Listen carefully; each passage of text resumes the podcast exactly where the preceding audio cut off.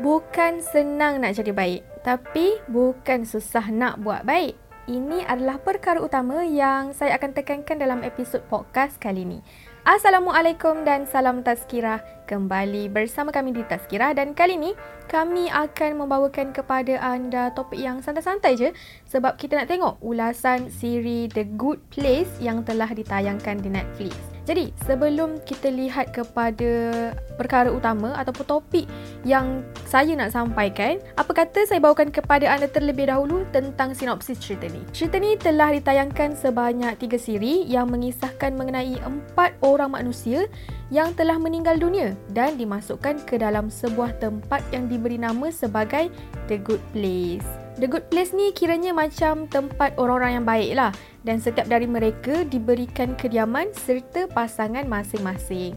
Tapi sampai satu tahap ni, ada satu masa ni, adalah seorang watak ni yang diberi nama Eleanor Shastrop berasa agak hairan. Macam mana lah dia ni boleh dimasukkan ke tempat yang macam tu, tempat orang yang baik-baik. Sebab rasanya sepanjang hayatnya dia ni, Eleanor ni merupakan seorang wanita yang mempunyai perwatakan yang agak negatif. Negatif dekat sini bukanlah bermaksud dia ni jahat, bunuh orang ke apa ke, tak tapi dia lebih kepada bersikap individualistik. Setiap apa yang dia buat hanya untuk kepentingan diri dia sahaja dan macam-macam lagi lah yang dilakukan untuk kepentingan diri dia. Jadi, bermula daripada Eleanor ni, kehidupan empat orang manusia yang lain lagi tu pun berubah. Eleanor mula berusaha untuk jadi baik sebab yelah dia nak kekalkan kedudukan dia ni dekat the good place. Jadi, apa yang dia buat? Salah satunya adalah dia sanggup berguru dan minta pasangan dia untuk mengajarkan etika kepadanya agar dia dapat jadi orang yang baik. Ha, jadi poin pertama yang saya nak bawakan dekat sini adalah motivasi kita untuk buat sesuatu. Sebenarnya nak buat baik ni salah satunya adalah dengan cari motivasi. Kadang-kadang kita tak nampak pun sebab apa kita lakukan kebaikan atau sebab apa kita kena buat sesuatu perkara. Sebab itu, kita pilih untuk tak buat baik atau untuk tinggalkan perkara-perkara tersebut. Kalau kita tengok dari sisi Eleanor, baginya sepanjang hidupnya dia tak ada motivasi pun untuk buat baik. Sebab hidup dia adalah untuk diri dia sendiri. Jadi, kepuasan diri dia adalah yang paling penting. Tapi bila dia dah masuk dekat the good place, bila dia dah meninggal, dia mula kenal erti persahabatan. Dia belajar bahawa the good place tu wujud. Tempat orang-orang yang baik tu wujud.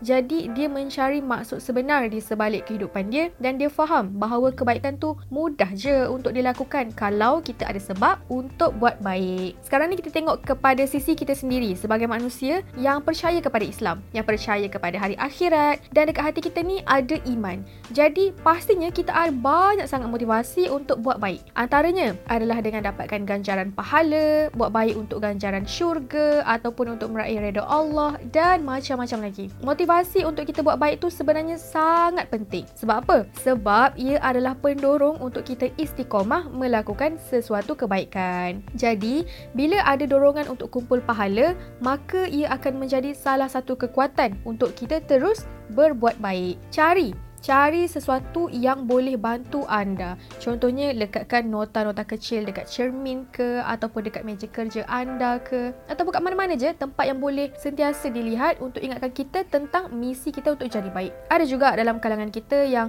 bertuah lah kan. Kita boleh kata bertuah lah sebab bila mana Allah letakkan dia dalam kehidupan yang dikelilingi dengan orang yang baik-baik. Mungkin keluarga dia biasa-biasa je tapi dia ada kawan-kawan yang baik. Dia ada mungkin guru-guru yang baik-baik ataupun dia dimasukkan ke sekolah sekolah yang baik-baik kita tak tahu.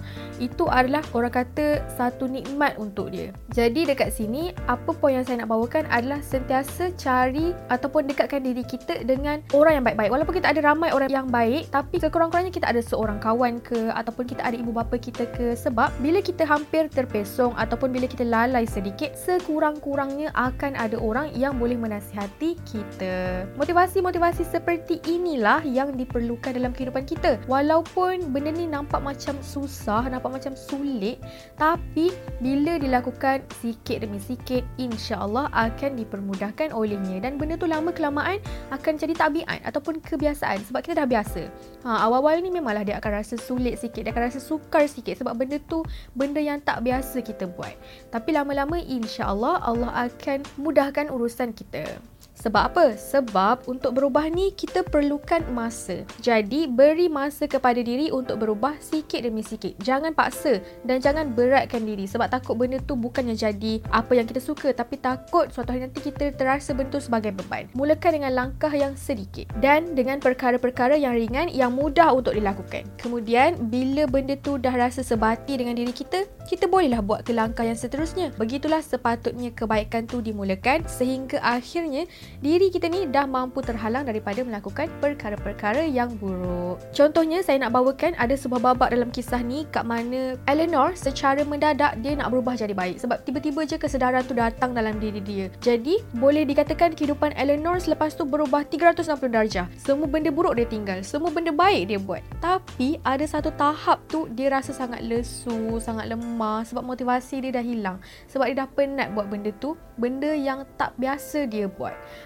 Ha, sehinggalah akhirnya dia kembali kepada kehidupan dia yang lalu. Kehidupan dia yang bersikap individualistik. Yang berperwatakan negatif. Tapi setahun kemudian, dia tiba-tiba teringat balik akan azam dia yang lama.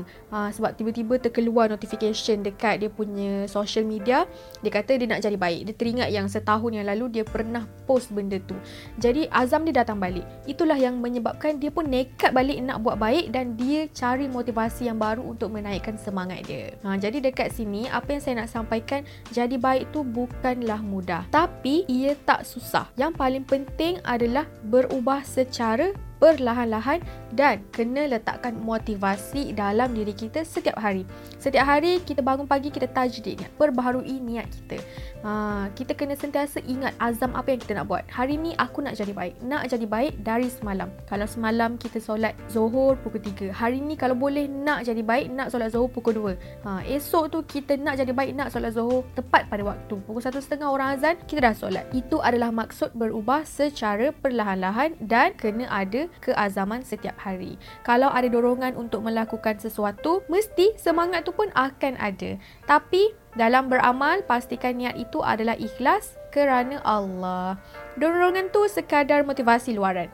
Tapi yang paling penting adalah niat dan hati kita sendiri tu adalah untuk Allah Subhanahu Wa Taala. Sebab apa? Sebab motivasi kita yang paling utama, motivasi kita yang paling hakiki adalah untuk Allah. Para pendengar sekalian, sekarang kita nak masuk kepada poin yang kedua yang saya nak bawakan iaitu tentang keikhlasan dalam beramal. Ha, macam mana kita nak ikhlas? Jadi saya nak bawakan satu lagi watak dalam cerita ni, ha, dalam keempat-empat manusia ni, watak yang kedua adalah watak Tahani Al-Jamil yang berperwatakan sangat berbeza dengan Eleanor. Kalau Eleanor ni bersikap individualistik, Eleanor bersikap pentingkan diri sendiri sendiri tapi Tahani ni dia sangat berbeza. Dia ni seorang wanita yang sangat lembut, suka buat kerja-kerja amal dan dia sangat kaya. Dan kekayaan tu dia gunakan untuk tolong orang-orang yang susah. Tapi sepanjang hayatnya dia bukanlah seorang anak yang dikagumi oleh ibu bapa dia. Ibu bapa Tahani sangat sayang kakak dia iaitu Kamilah Al-Jamil dan sentiasa bangga dengan setiap perbuatan kakak dia melebihi diri Tahani. Seolah-olah Tahani ni tak wujud. Ha, jadi hal ini, perkara ni yang menyebabkan Tahani membesar menjadi seorang wanita yang dia nak dapatkan perhatian kedua ibu bapanya. Setiap apa yang Tahani buat adalah untuk mencari perhatian ibu bapanya.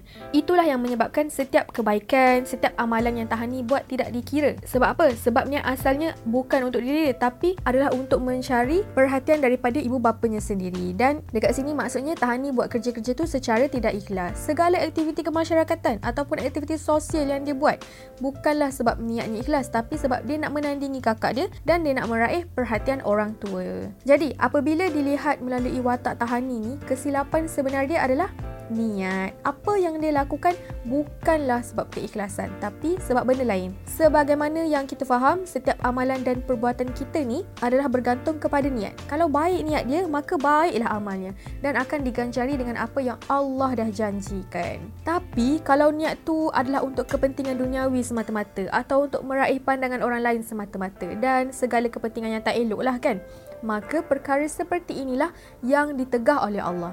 Niat ni yang akan membezakan setiap perbuatan kita. Sama ada ia akan menjadi ibadah atau sekadar adat perbuatan sahaja. Pernah tak dengar kisah orang yang tertinggal kunci? Saya nak bawakan kepada anda. Ada seorang pemuda ni, dia dah sampai ke apartmen dia lah contohnya kan. Tak kisahlah apartmen ke kondo ke. Lepas tu lift dia pula rosak dan dia duduk tingkat 10. Jadi terpaksalah lelaki ni, pemuda ni dia naik tangga. Tapi bila dah sampai dekat depan pintu rumah dia tu, baru dia tersedar. Rupanya kunci rumah dia tu tertinggal dalam kereta. Bayangkan apa perasaan anda bila jadi begini. Dahlah penat, nak marah dengan diri sendiri dan macam-macam lagi perasaan yang bercampur baur. Mungkin kisah yang anda dengar versinya berbeza-beza. Tapi pengajaran dekat sini yang kita nak dapat adalah benda yang sama iaitu kunci rumah tu merupakan keikhlasan seseorang.